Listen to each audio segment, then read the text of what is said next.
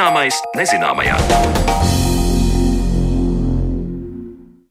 Esiet sveicināti raidījumā Zināmais nezināmajā. Turmāko stundu ar jums kopā Sandra Kropa. Šodien raidījumā turpināsim runāt par pētījumiem un zinātniekiem, kas pavisam nesen izpelnījušies Nobela komisijas augstāko novērtējumu un ieguvuši prestižo Nobela prēmiju. Tāpēc ķīmija un DNS pētījums šodien būs mūsu redzeslokā un redzējuma otrajā daļā saruna par to, cik nozīmīgs šī gada apbalvojums, taču pirms tam sapratīsim, kā vispār iespējams rediģēt ģenētisko materiālu un cik lielā mērā tas tiek darīts Latvijā. Uz šī gada Nobela prēmiju ķīmijā attiecināmais atklājums bijis sen zinātnieku sapnis un aizmetņu sapņu realizācijai veidojušies vēl pagājušā gadsimta 80. gados. Pirms ķeramies klāt tieši šī gada laureātu pētījumu aplūkošanai, tuvāk iepazīsim, kādos veidos vispār iespējams rediģēt organismu ģenētisko materiālu un vai pasaules zinātniskās norises atbalsojas arī Latvijas pētniecībām. Par to klausieties Marijonas Baltkalns veidotajā ierakstā. Kā norāda Latvijas Universitātes bioloģijas fakultātes asociētais profesors, kā arī Eiropas pārtikas nekaitīguma iestādes ģenētiski modificēto organismu paneļa eksperts Nils Rostoks, tad genoma jeb gēnu rediģēšana patiešām bija sapnis, lai veiktu kādas genoma izmaiņas. Rediģēšanu var izdarīt ar dažādām metodēm, tostarp ar 2020. gada Nobela prēmiju ķīmijā saistīto CRISPR-Cas sistēmu. Pirms nododamies tālākiem stāstam, vērtīgi paturēt prātā jēdzienus nukleotīds un nukleāze. Ar nukleotīdu saprotam nukleīnu skābju, proti DNS un RNS elementāru posmu, kas daudzkārt atkārtojas un veido polimērus. Savukārt nukleāzes būtu specifiski proteīni jeb enzīmi, kas šķeļ DNS. Par pirmajām gēnu rediģēšanas metodēm turpina Nils Rostoks. Kā pirmās bija dažāda veida uh, dabā sastopamas un cilvēka pārveidotas nukleāzes, kurām bija iespējams piešķirt spēju piesaistīties noteiktā vietā genomā, atpazīt noteiktu DNS sekvenci, nukleotīdu secību. Un uh, šajā vietā šo DNS secību sašķelt. Un tad vai nu tur ievietot kādu citu DNS gabalu vai nomainīt kaut ko esošu pirmie gēnu vai genoma rediģēšanas eh, eksperimenti bija samērā sarežģīti, tādēļ, ka katram eksperimentam faktiski bija jāizveido pilnīgi jauns proteīns, eh, enzīms, kas spētu atpazīt noteikti sekvences. Tas eh, nevienmēr bija iespējams un pilnīgi noteikti nebija lēts un vienkāršs process. Un tas, ar ko CRISPR-Cas sistēma atšķirās, ir tas, ka ir ļoti vienkāršotā veidā ir viens un tas pats proteīns enzīms, kas 9 nukleāzi kuras specificitāti nosaka RNS molekula, kas piesaistās klāt pie šī proteīna. Un šo RNS molekulu jau ar gēnu inženierijas palīdzību var veidot kādu vien vēlās un nomainīt atbilstoši konkrētai situācijai. Respektīvi, mēs varam eh, ar vienu un to pašu enzīmu sašķelt DNS sekvences cilvēkā, augos, baktērijās un kur vien mēs vēlamies, atbilstoši bāzu komplementaritātes principam kādu mēs e, izveidojam šo RNS molekulu. Teiksim, var izdalīt uh, trīs galvenos scenārijus šiem genoma rediģēšanas mehānismiem. Uh, viens ir tad, kad šī KAS9 nukleāze vai līdzīga ir daudz citu enzīmu, ja, bet šis enzīms sašķeļ DNS, veido divpavadienu DNS pārāvumu un pēc tam ļauj šūnai pašai salabot šos pārāvumus. Eh, jo DNS reparācijas sistēmas, kas šūnas kodolā ir, viņas eh, spēj šādus pārāvumus salabot, bet tas bieži vien ir neprecīzs process. Eh, tas ir pirmais scenārijs, tur nekādas jauna informācija genomā ievietot netiek. Tas ir pielietojums lielākoties ir pētniecībā. Ja mēs gribam zināt, ko kāds gēns dara, tad visvienkāršākais veids ir šo gēnu izslēgt un tad paskatīties, kas notiek. Mhm. Uh, otrais scenārijs ir tad, ja mēs sašķeļam kādu noteiktu vietu genomā, bet vienlaicīgi pievienojam klāt arī DNS fragment ar tādu pašu secību, tikai ar vienu nelielu izmaiņu. Bet arī kaut ko jaunu ienes sanāk, vai ne? Jā, nu tādā gadījumā tiek tā vieta genomā, kur tiek sašķelta, viņa tiek kā, pārrakstīta, izmantojot to klāt pievienoto DNS matricu. Un tādā veidā ir īstenībā iespējams veikt viena nukleotīda izmaiņas genoma sekvencē noteiktā vietā. Tam īstenībā jau ir ļoti plašs pielietojums, jo, piemēram, daudzas ģenētiskās saslimšanas ir vienas punktveida mutācijas rezultāts. Un šādā veidā ir iespējams šo vienu punktveida mutāciju izlabot. Nu, protams, jautājums, kā to izdarīt visās organismu šūnās, tas atkal ir cits tehnisks dabas jautājums, bet principā tagad tas ir iespējams.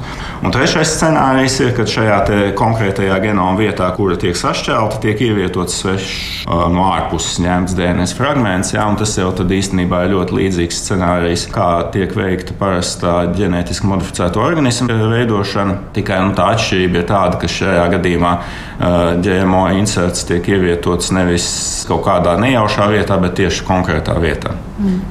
Zinātnes pasaulē bieži vien ir tā, ka daudzi vērtīgi atklājumi notiek nejauši. Piemēram, ja mēs par internetu runājam, ja tas nebija tāds apzināts solis atklāt internetu, tas radās kosmosa pētniekiem veicot savu darbu, un tas radās kā blakus produkts.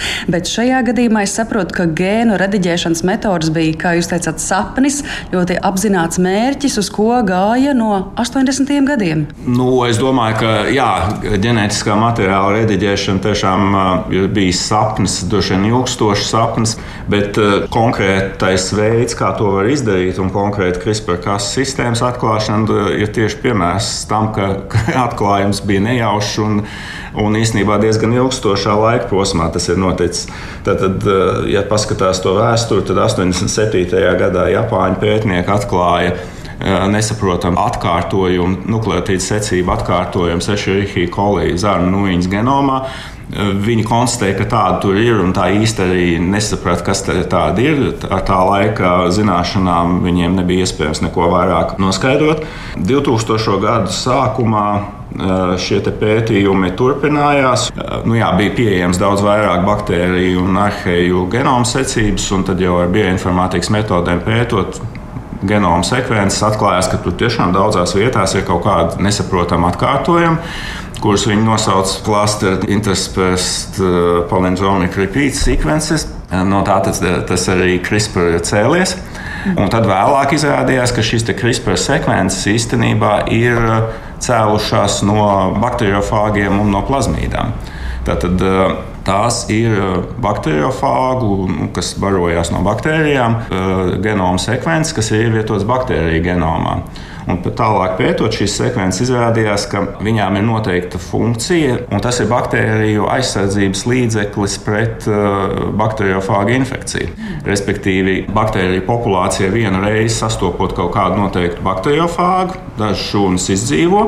Viņas ir uzņēmušas savā genomā šo bakteriofāgu DNS, un savukārt nākamajā reizē, kad uh, tāds bakteriofāgs mēģina šīs baktēriju šūnas inficēt, uh, baktēriju šūnas ir spējīgas uh, transkribēt šo bakteriofāgu DNS fragmentu genomā. Tas saistās ar nukleāzu, un tas sašķeļ to inficējošo bakteriofāgu. Tādējādi baktērijas aizsargājās pret bakteriofāgu infekciju. Un tā īstenībā cilvēki izmanto apzīmējumu, ka tā ir adaptīvā imūnā sistēma. Jā, pēc, pēc de, ļoti, ļoti, ļoti, protams, atšķirīga no cilvēku un dzīvnieku imūnās sistēmas, kas balstās uz šūnām un antivielām, bet principā jā, tas ir uz DNS atpazīšanu balstīta, nukleinskāba atpazīšana balstīta adaptīva imūnā sistēma. Tad ir iespējams, tas adaptīvi nozīmē to, ka viņi var izmainīties, var iemācīties atpazīt jaunus fāgus, aizsargāties pret jauniem fāgiem. Mm. Un tas lielais atklājums, par ko īstenībā ir tā Nobelprēmija,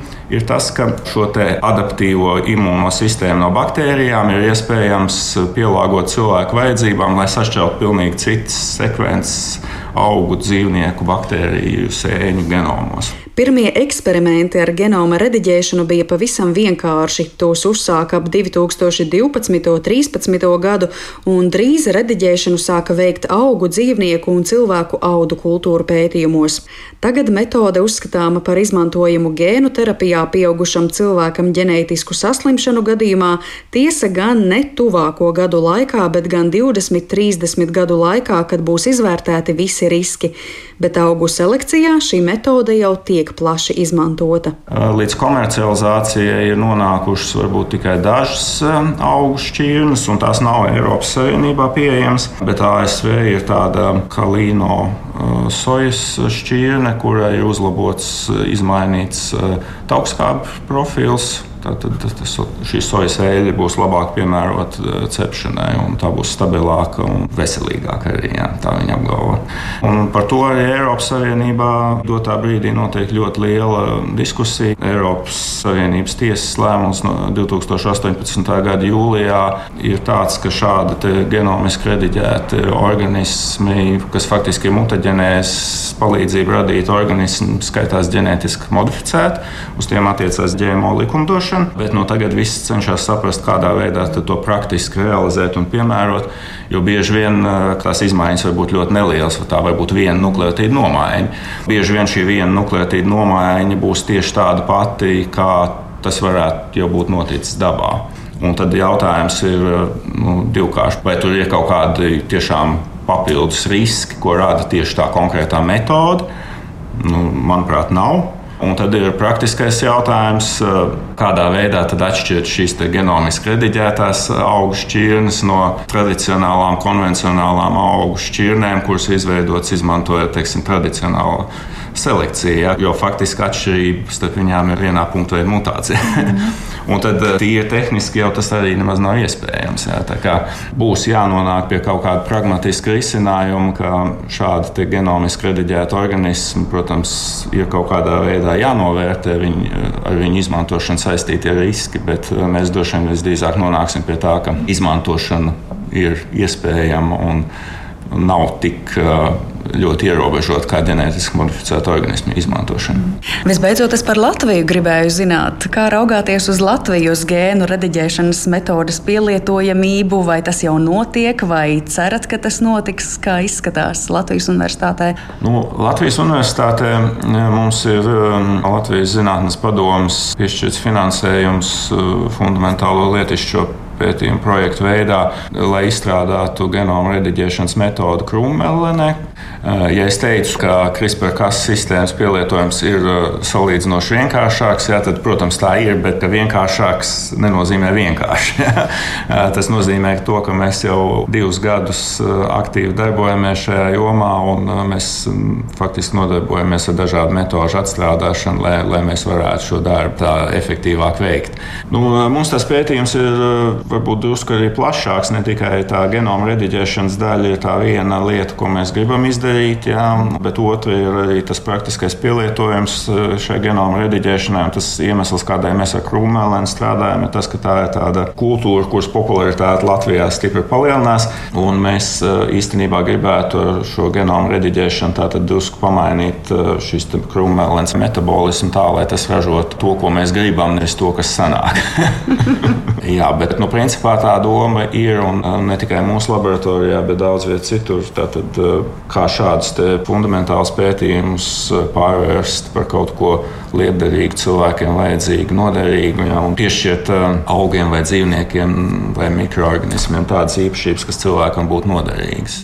Par genoma rediģēšanas iespējām un to, kas šajā nozarē notiek Latvijas zinātnieku uzmanības lokā, stāstīja Latvijas Universitātes bioloģijas fakultātes asociētais profesors, kā arī Eiropas pārtikas nekaitīguma iestādes ģenētiski modificēto organismu paneļa eksperts Nils Rostoks, ar kur tikās mana kolēģe Mariona Baltkalne. Bet raidījuma turpinājumā plašāk par divu zinātnieču pētījumu, kas tieši šogad godalgots ar Nobel prēmiju ķīmijā.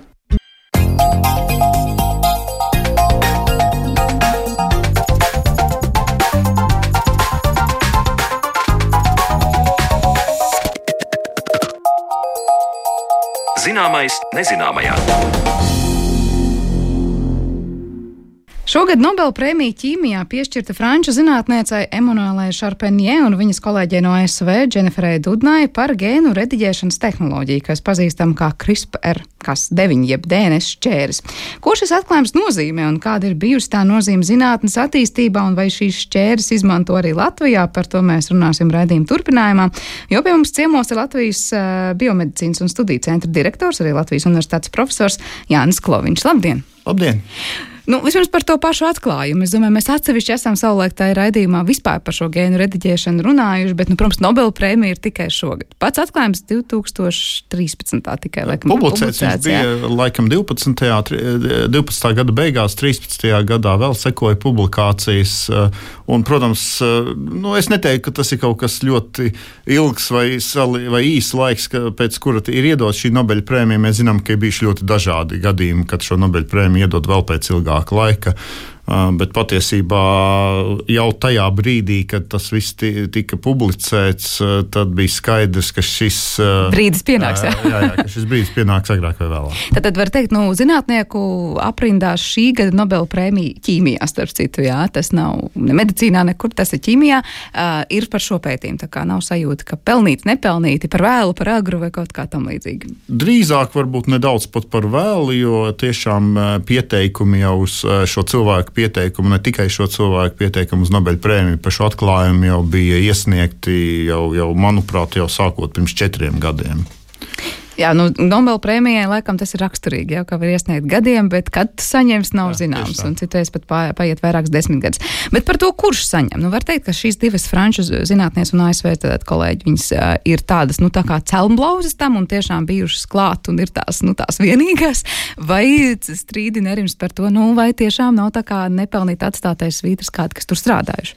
Nu, stāsts tiešām šī gadījumā ir sarežģīts, kā daudzām uh, lietām, kur parasti jau tā sagadās. Un, un, un notiek, ka pie, pie tādiem nopietniem atklājumiem strādā vairākas zinātnieku grupas. Un, tiešām tā ir, kad arī šī gadījumā tā tas ir noticis. Nu, tādi divi divi cilvēki, kurus varbūt daudz uzskata, kas varētu tikt atstāti aiz, aiz svītras. Pēc tam viens no viņiem patiesībā ir, ir mūsu kolēģis no Lietuvas. Tas ir Jevgenijs Šiksnis, kurš ir tiešām pēc būtības, nu, vismaz man šķiet, noteikti būtu pelnījis saņemt šo Nobel prēmiju. Un šī gadījumā, manuprāt, pat nospēlēja nedaudz tas fakts, ka, ka tomēr viņš bija no mazāk pazīstamas valsts, mazāk pazīstamas universitātes. Jo iesniedza viņš šo savu pētījumu publicēšanai pat pirms, pirms daudzas šīs publikācijas, kur ļoti ātri tika izvirzīta žurnālā Science, kamēr šo šikšņa publikāciju žurnāls Cell noraidīja. Viņam vienkārši vispār nerecenzējot, un viņam nācās iet uz citu žurnālu, kur arī bija ļoti ilga, šī vērtēšana, un līdz ar to pāris mēnešus vēlāk nopublicēja. Iespējams, šis arī publikācijas laiks kalpoja par to iemeslu, kāpēc abas dāmas saņēma šo publikāciju, un, un, un šī gadījumā nu, e, e, tā, tāds nedaudz rūkums sajūta ir. E, jā, nu droši vien, ka viņam vēl jau vairāk zinot, cik ļoti maz varbūt viņš ir no Nobela prēmijas, bet kāds iemesls tāpēc, ka viņam ar to publicēšanos neveicās tik raiti? Raiti kā dāmām? Es domāju, ka no, normālā, normāla praksa, protams, ir, kad publikācijas neno, šī apstiprināšana nenotiek ļoti ātri. Es neteiktu, ka tas būtu kaut kas īpašs, ja, bet šī gadījumā, kā redzams, tas varēja izšķirt lielas lietas. Ja, un, un, un, nu, lai, lai ko noteikti žurnāli teiktu, ka viņi ir pilnībā objektīvi, bet nu, teik, es teikšu godīgi, atklājot jaunas tēmas, man pašam ir diezgan bieži šī sajūta, ka kamēr tu šai tēmā ne neesi, neesi kaut kā sevi apstiprinājis, un pie tam vēl tu esi no gandrīz nezināmas valsts eh, labos žurnālos, tomēr ir nedaudz grūtāk nopublicēties nekā ja esi no Kalifornijas universitātes vai no, vai no, vai no Harvardas universitātes. Tas nebūs viennozīmīgi. Par to pašu pētījumu runājot, nu mēs sakām DNS šķērs un gēnu rediģēšana. Kas tas īsti ir, ko šīs dāmas atklāja, pie kā arī lietuviešu kolēģi strādāja un ko tas īsti panāk? Šī gadījumā, protams, eh, pat, pat, pats fakts, ka mēs kaut kādā ziņā mākam šo DNS sašķērēt, ja nav nekas jauns. Šādas šķēres ir atklātas jau pagājušā gadsimta, jau, jau pašos molekulārās bioloģijas pirmsākumos 60. un 70. gados. Tā unikalitāte slēpjas tajā faktā, ka ar šīm šķērēm to var izdarīt ārkārtīgi precīzā uh, genoma pozīcijā, tātad vietā. Jo es varbūt nedaudz paskaidrošu, ka, ka, kas, kas, kāpēc tas ir svarīgi. Ja? Jo iedomāsimies, ka mums ir šis cilvēka genoms, kurš ir 3 miljardi burtiņu garš. Ja? Un, un, protams, ja mēs gribam kaut ko tur pamainīt, mēs negribam, lai šīs šķēres tur sāk šķērēt uz pa labi, pa kreisi, kā tas ir bijis līdz šim ar visām iepriekšējām šķērēm. Un šī bija tā unikālā, uh, unikālais no baktērijām paņemtais tāds mehānisms, kurš pēc būtības ļauj izdarīt to griezumu vienā uh, vietā. Jo, tas, tas, tas ir piemēram, nu, pie, piemēram, ja mēs tiešām garā grāmatā gribam, uh, gribam šo atrast konkrētu tekstu, kuru mēs varētu gribēt izņemt ārā. Ja? Un iedomāsimies, ka līdz šim mums bija šķēris, kuras mācīja atpazīt burtu un vai burtu bet vai kaut kādu citu saikli vai kaut ko tamlīdzīgu. Tas bija tā, tās šķērs. Tas nozīmē, ka mēs būtu to grāmatu sagraizījuši pilnīgi visās to tekstu, visās vietās. Šī gadījumā bija tā pirmā, pirmā reālā un ļoti precīzā iespēja atpazīt teikumu grāmatā. Un, un, un, un teikums jau mums būs diezgan unikāls. Ja? Tas vairs nebūs vārds, kurš atkārtojas daudz, daudz reizes. Bet tajā teikumā veids tās korekcijas, nu, piemēram, izņemot vienu burtu vai saikli kaut kādu vai visu teikumu ņem ārā šīs šķēres? Neglu, protams, šķēres viņas griež vienā, vienā konkrētā vietā. Teiks, es teiktu, tā viņas atpazīst teikumu, bet spēj nu, iegriezt tā teikuma konkrētā vietā. Kaut kādā mērā šis salīdzinājums man nāk prātā no tāda tā kā teksta rediģēšanu, nezinu, nu, tai pašai grāmatai. Ja? Tad tas būtu tā, kā mēs lasām grāmatu, kur ir tie trīs miljardi dažādu burtu, un parā, pēkšņi ieraugām, ka tur ir drukas kļūdas kaut kādas. Var teikt, ka šī metode tagad uh, ļautu paņemt ārā tikai konkrēto vārdu ar drukas kļūdu. Tieši tā. Un neaiztiks pārējos līdzīgos vārdus. Savukārt iepriekšējās tās šķērs to darīja. Tā, tā, tā, tas piemērs ir ļoti labs, jo pie, tas tā drukas kļūda tiešām varētu būt arī plaši lietotā vārdā, ja, bet viņš viņu atpazīst tajā teiku, konkrētajā teikumā un izņems ārā. Ja. Kas, protams, tekstā liekas diezgan viegli izdarāms. Mēs atceramies, mēs runāsim par DNS, kur ir iepakota mazā, mazā šūniņā un, un kura ne, ne, neatgādina tekstu. Tā ir sarežģīta molekula. Ja. Jā, varbūt var ieskatīt nedaudz nu, no tādas ģenētikas puses, kur izskatās, kur tās šķēres griež. Tad, ja mēs iedomājamies šūnu, tad šūnu kodolos ir tas DNS. Tas vēl ir salīdzinoši liels veidojums, ja mēs skatāmies, kur tās šķēres un ko griezīs.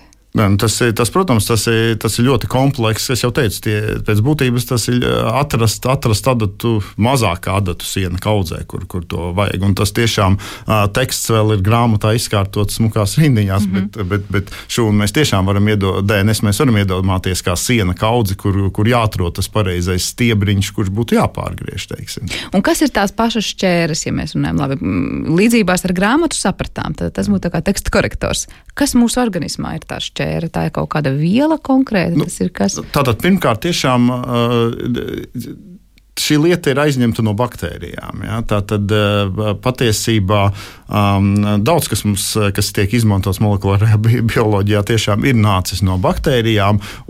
Tad, jo te nelielai atkāpēji varbūt, ka principā jau šādi te pat tādi teksta redaktori bija ne, ne, neilgi pirms šī atklājuma izdomāti, bet tie bija tik ārkārtīgi sarežģīti, jo tie prasīja daudzus, daudzus proteīnus, lai to izdarītu.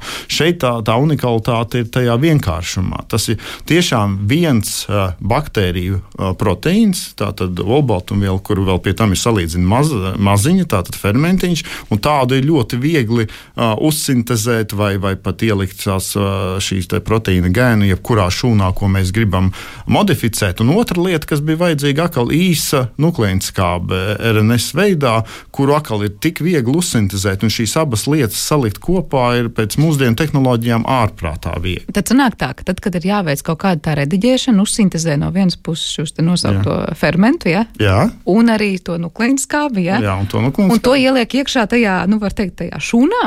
Tas jau par lielu, protams, un mēs, protams, jautājums, jo, jo šim, šīm šķērēm ir tik daudz pielietojumi, iedomājumi un jau tagad arī atrasti un izmantoti, ka tas mehānisms, kā mēs dabūnam viņu šūnās, ir ļoti dažāds. Ja, ja mēs iedomājamies, ka mēs to gribētu darīt dzīvā organismā, to var darīt ar klasiskiem gēnu inženierijas vektoriem, piemēram, vīrusiem. Mēs varam uh, vīrusa genomā ielikt un tad, tad uh, panākt, lai tas vīrus aiziet uz mums vajadzīgajām šūnām. Ja mēs mēs to gribam darīt šūnu kultūrā, tad to vēl vienkāršāk ir izdarīt. Mēs vienkārši uztaisām nu, tas, ko mēs saucam par plazmīdām, ļoti vienkāršas DNS molekulas, kurās jau ir abas lietas ieliktas iekšā, un mēs viņus tur uzmetam virsū un viss notiek. Ja?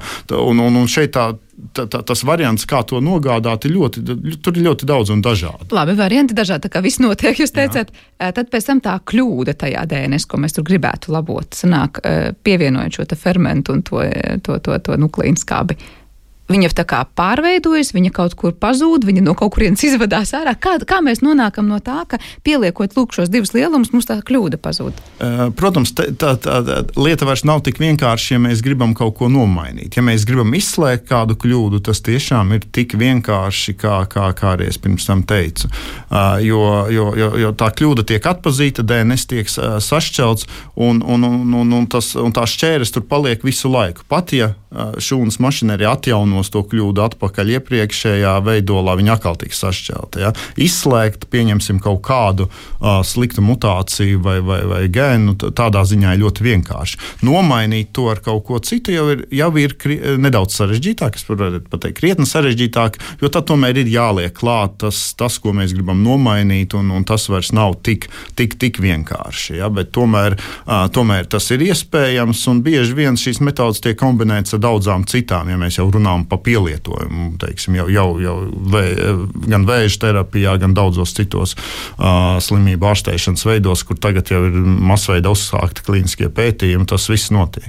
Jā, par pielietojumu gribēju vaicāt, cik tālu šobrīd ir tā reālā pielietošana. Jūs teicāt, klīniskie pētījumi, tas ir konkrēti saslimšanas, pa kurām ir stāsts, pieņem ne tikai par saslimšanām, ir stāsts šeit. E, jā, ņemot vērā, ka tas tiešām ir universāls molekulārās bioloģijas līdzeklis, tad nebija brīnums, ka, ka tas arī ļoti ātri ieviesās visdažādākajos pielietojumos. Un, manuprāt, pirmie klīniskie pētījumi jau tika reģistrēti trīs gadus pēc šī atklājuma, kas nu, pēc būtības ir ārkārtīgi īss periods tiešām, tiešām tādā, tādā īpaši klīnisko pētījumu jomā. Visvairāk, manuprāt, tiek lietots tas vēža ārstēšanai, un uz doto brīdi teiksim, tas, tas nenotiek cilvēka organismā, bet tās ir šūnas, kuras tiek modificētas, viņas izņemot ārā, pieņemsim imūnās sistēmas šūnas, un tad viņas tiek pārveidotas tādā veidā, lai labāk atpazītu šo audzēju un, un tiek liktas atpakaļ. Tas ir viens no tādiem, manuprāt, vis tālāk aizgājušajiem pielietojuma veidiem, un šī gadījumā tiešām tātad, ja tām, ja tām šūnām ir kaut kas jānoņem nost, to var ļoti ātri izdarīt ar, ar šo ar šīm šķērēm, ir citas metodas, kur mēs kaut ko pieliekam klāt, un tas notiek. Bet, protams, tāds, kas, kas varbūt visklasiskākais, ko var iedomāties, pielietošanas veids, ir ja tiešām cilvēkam ir iedzimta slimība, kuru tiešām mēs zinām, ka ir izraisījusi kaut kāda ļauna mutācija. Ja? Tas būtu vistiešākais veids, kas, kas saprotam, ja mums ir līdzeklis, lai to iznīcinātu, mēs varam iet un to darīt. Šādi, šādi pētījumi arī ir, bet, nu, protams, viņi, viņi ar, viņi, ar tiem ir daudz sarežģītāk, jo jebkurš instruments mēs ar, ar, ar cilvēku pašu organismu nu, nedrīkstam eksperimentēt. Tik vienkārši šie pētījumi tiek veikti ļoti piesardzīgi. Pie, piemēram, viens no tādiem ļoti tā, virzieniem, kas ir, kas ir diezgan daudz jau, jau attīstījušies, ir uh, patiesībā uh, vē, uh, HIV vīrusa uh, terapija. Jo tas, tas, tas tās vēl, vēl ir interesantāks. Tā sauc, ir tā, tā saucamais Berlīnas pacients, kuram dēļ kaulu transplantācijas viņam bija vajadzīga dēļ vēža saslimšanas kaulu transplantācija, tika atklāts, ka viņš pēc tam izveseļojās no, no, no, no, arī no HIV. Principā viņam jau šķiet pat bija aicis stadijā, un, un, un, un, un tas pateicoties tam, ka tur bija mutācija receptorā. Un tagad šo pašu cenšas arī padarīt, teiksim, šo te, nu, izslēgt konkrētu receptoru receptoru cilvēka šūnās ar šo metodi ir, ir salīdzinoši vienkārši, tā lai tas vīruss vairs nevarētu atrast eh, šūnas un, un, un, un, un inficēt. Kā var izpētīt to, nu, ka izslēdzot lūk, vienu konkrēto labi šī gadījumā, vai tas ir stāsts par HIV vai par vēzi vai ko citu? Ka tā izslēgtā, var teikt, darbība nu, neraisa tādu tā kā domino efektu tur tālāk. Nu, mēs nevaram iz, nezinu, izpētīt visus trīs miljārdus burtiņu kombināciju. Nu, nē, nu, kā jau parasti, ja mēs runājam par, par tiešām pārmantotām slimībām, tad mēs ļoti labi zinām, tam cilvēkam ir iepriekš izpētīts, kas ir bijis tā, tā sliktā mutācija, lai izslēgtu. Protams, ja iet tālāk un kaut ko, kaut ko funkcionāli, nu, tad jāsaka ļoti, ļoti, ļoti vienkārši, ka tie ir bijuši tiešām desmitiem gadu ilgi pētījumi, kas jau ir noskaidrojuši cik katra no, katras no, katra no tām gēniem vai katrs no tiem uh, receptoriem, ko mēs gribam izslēgt, ir būtisks cilvēka organismā. Un tieši tāpēc, jebkurā gadījumā, visi šie pētījumi sākas ar, ar, ar, ar, ar šūnu kultūrām, tad pelēs tiek noskaidrots, un tikai tad, uh, kā izņēmuma gadījums, tiek veikti pētījumi cilvēkos. Jā, par ētisko pusi runājot, es pieņemu, šeit ir arī virkne jautājumu, kas tiek eh, īpaši, kā saka, nu, noteikti, kā, kā par to ir jādarbojas un kā par to ir jārunā. Pirms vairākiem gadiem man šķiet, ka pasauli pārņēma tāds leģendārs ķīniešu pētījums, kur viņi izmantojot šo pašu metodu, mēģināja veikt pētījumus embrijiem, un tad tur bija tādas lielas skaļas runas pasaulē, ko drīkst jā, un ko nedrīkst jā. darīt. Nu, simtprocentīgi es nevaru apgalvot, bet eh, cik, cik es pavirši eh, pārskatot to, to, to vai, vai vienkārši to presi redzot, man šķiet, ka jā, tā, tas tika izmantots, kas, kā jau teicu, nav brīnums. Tur bieži vien šī metode tiek kombinēta ar citām, un tas nebūtu nekas. Ja? Nu, tas ir tas, tas pats stāsts, ja mums ir eh, tas. tas, tas instruments, ar to instrumentu var izdarīt labas lietas un arī izdarīt sliktas lietas. Ja? Un, un, protams, ka viņš ir tikpat piemērojams arī, arī teiksim, embriju šūnu modificēšanā un kā, kā, kā, kā jebkuru citu šūnu modificēšanā. Un te nu, ir jautājums, tiešām, kas, ir, kas ir pieļaujams un kas nav. Um, atkal, ja mēs runājam par šīm pārmantotajām slimībām, par ģimenēm, kuras vēlas teiksim, izvairoties no konkrētas nāvējošas mutācijas, tiešām iegūt iegūt bērnu, manuprāt, tas ir, tas ir attaisnojami. Uh, es nedomāju, ka tas ir vēl attaisnojami no tehniskā viedokļa, lai, lai šāds eksperiments sāktu tiešām jau, jau, jau ar visām transplantācijām, jo, jo tomēr tur ir daudz nezināmā. Mēs vēl joprojām nezinām, kas, kas notiek. Tas ir pilnīgi savādāk, ja mēs uh, to, to, šo, šo slimību cenšamies ārstēt vēža gadījumā, kur tāpat tā, tā ir varbūt vienīgā izēja, ja, un, un, un tas neskaidrais ļaunums ir mazāks nekā, nekā tas labums, ko mēs iegūstam pavisam pavisam cita lieta, ja mēs eh, radām jaunu dzīvību. Ka... Tur tas arī aspekts par to, kas notiek ar ģenētisko pārmantojumību pēc paudzes, kas ar, piemēram, nu, piedzims vesels bērns, piemēram, jā. ir kaut kāds risks, kad tās izmaiņas var radīt atkal kaut kādas citas izmaiņas. Un savukārt, kad viņam piedzims bērns, kas notiks tālāk? Jā. Nē, lielākais risks tomēr ir, lai, lai, lai, lai cik es precīzi aprakstīju, ka šīs ķēdes ir ārkārtā, ārkārtīgi precīzi, nu, tomēr viņas var arī kaut ko sašķērēt višķi kaut kur citur. Ja, un to, to, to vietu atrast tā uzreiz tas, tas būtu pagrūti. Un to var, to var tikai ilglaicīgi eksperimentējot un noskaidrojot, kāds ir tā varbūtība, ka kaut kas notiek. Ja mēs runājam par tādu klasisko gadījumu, kad mutācija tiek izlabota, un, un tiešām tas ir, tas ir apstiprinās, teiksim, ja mēs kaut to pašu embriju pa piemēru ņemam, un mēs pēc tam noskaidrojam, ka tur nav palikušas šūnas, kurās tas nav izdarīts, piemēram, ja, tad, tad, tad tur tāda riska, ka pēc paudzes kaut kas notiktu, nevajadzētu būt. Bet, protams, noteikti varētu būt kaut kāda sarežģītā gadījuma, skatoties, kāds ir tas mērķis, kur, kur kaut kas varētu mainīt. Bet tie galvenie etiskie jautājumi šobrīd ir vairāk par to, nu, cik tālu mēs varam un gribam rediģēt to cilvēka genomu vai kā, nu, par ko ir tās lielākās diskusijas? Nē, es domāju, ka pa, pamatā tiešām tā ir, vai mēs viņu gribam izmantot, izmantot re, reproduktīvai uh, modificēšanai, nu, tas, vai, vai, vai, vai kas, kas nozīmē, ka mēs tiešām gribam izmainīt šo genomu pilnībā cilvēkam un, un, un uh, pirms, pirms nu, teiksim, viņu radot. Ja, teiksim, tā, tā ir tā lieta, tā, tas ir tas lielākais izaicinājums. Uh, un, un, un, un mazāk varbūt tas ir uh, kaut kādai slimību ārstē ārstēšanai, bet, nu, protams, arī tur paliek šis ētiskais elements. Kā jau teicu, jāsamēro riski ar ieguvumiem vienmēr ir. Un, un, protams, ka tas, tas stāsts, ka mēs vienkārši tāpēc sākam modificēt, lai gribētu bērnu ar zilām acīm, nu, tas, nu, tas būtu tāds piemērs, kurš būtu tāds kliedzoši nepareizs. Ja, bet, bet, nu, nu, nu, bet tās lietas tāpat ir pārāk sarežģītas, un, un, un tur jebkuram saprātīgam jā, cilvēkam jāsaprot, ka tie riski pat pie vienkāršām šādām manipulācijām, kur pat netiek veikta ģenētiskā kaut kāda iejaukšanās pārāk sarežģīta, lai kaut ko tādu darītu, izņemot ārkārtas situācijas. Un tās ārkārtas situācijas, ja runājam par cilvēkiem, tad tās ir iedzimtās saslimšanas. Tieši tā. Uh, es saprotu, šī metode, jo mēs runājam, plaši tiek pielietota ne tikai runājot par cilvēkiem, tad, es saprotu gan dažādās kultūra augu radīšanā un daudz kur citur. Tā ir tā pati metode, lai radītu tagad, tur, es nezinu, kviešu šķirnes vai kokus, kas jā, būs pret jā. kaitēkļiem izturīgi. Jā, tieši tā. Uh, nu, kaut vai pie, piemēra pēc, un, nu, teiksim, daudz, daudz uzreiz tur saskata to, to, to bīstamību kā ģenētiskajā modificēšanā, bet eh, kaut kā uh, viens piemērs, kur to var uh, izdarīt, nu, nemodificējot, neliekot iekšā gēnus. Ja, ja mēs zinām, ka ir kaut kādas um, augu kultūras, uh, kurās, starp citu, tagad tiek intensīvi pētīts un noskaidrots, ka ir tie, uh, teiksim, sliktāki gēni vai labāki gēni, kas ir pašos augos, ja, tad šo metodi, protams, mēs varam izmantot, lai pastiprinātu vai pavājinātu jau augos esošas īpašības. Un, un tādā ziņā ziņā to jau pat nevar. Nu, pēc būtības tas tieši tas pats, kas notiek dabiskajā nu, vai, vai nu, mākslīgajā selekcijā, tikai nejauši. Ja?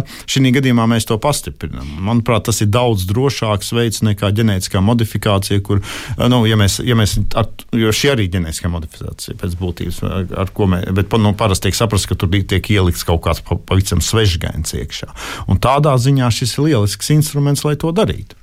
Tā kā var teikt, no vienas puses līdzīgas ģenētiskai modifikācijai, kad mēs runājam, bet vairāk tā kā selekcijai gudrai. Un, un... Uh, bet, bet šo instrumentu, protams, var izmantot abām lietām. Mm -hmm. Mēs varam viņu izmantot daudz efektīvāk, ja arī kaut kāda svešu gēnu ielikšana iekšā tikpat labi, kā, uh, bet, bet, bet, bet no otras puses viņš var būt daudz ērtāks tieši pašu, pašu jau dabīgo gēnu modificēšanai.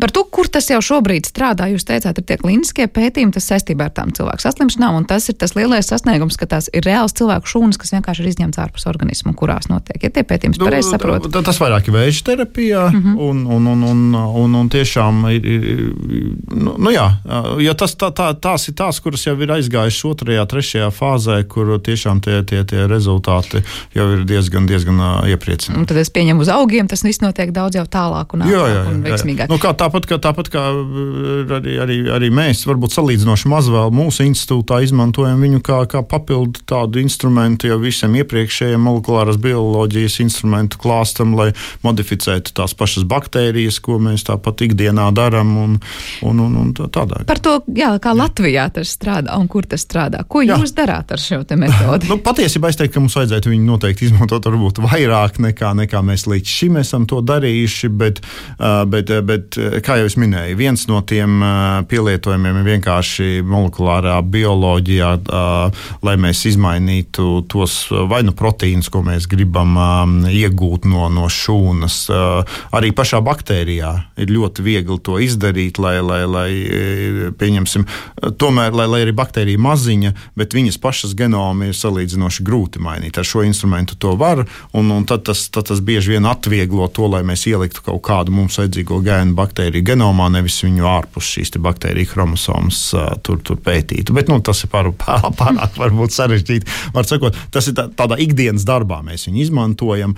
Um, ir uzsākti projekti, lai arī noskaidrotu, pieņemsim, mums kaut kādu jaunu atklātu gēnu, to, ko mēs redzam saistībā ar slimību, kā tad viņš īsti darbojas tieši šūnās. Ja? Viņš tiek modificēts. Piemēram, ja mēs cilvēkā atru, atrodam kaut kādu mutāciju, tad mēs varam viņu ielikt iekšā šajā, šajā, šajā, šajā cilvēku nu, šūnā un apskatīties, vai tā mutācija kaut ko izmaina vai nē, jo mēs nezinām, vai viņa ir slikta vai laba. Ja, teiksim, tādā līmenī viens pētījums, kas pēc būtības, ko mēs sadarbībā ar, ar, ar, ar, ar Ķīnas kolēģiem uzsākām, nu, viņš vēl nav, nav tā īsti aizgājis, bet ir tieši vēža terapijā ar tādu domu, ka individualizētā vēža terapijā, kad mēs noskaidrojam konkrētam vēža veidam raksturīgās mutācijas, mutācijas.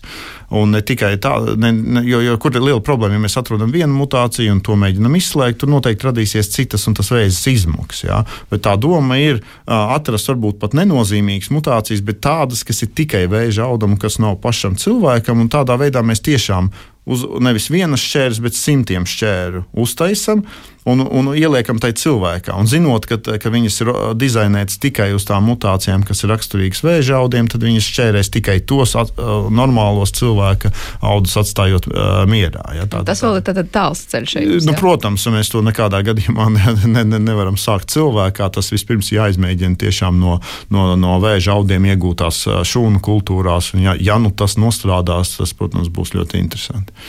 Jā, par to metodu saka, nu, tā ir diezgan demokrātiski gan cena gan ziņā, gan zināšanu ziņā. Vai tiešām to var lietot cilvēks gan drīz vai ar elementārām zināšanām mikrobioloģijā un ar to pietiek, vai tomēr tik vienkārši nebūs?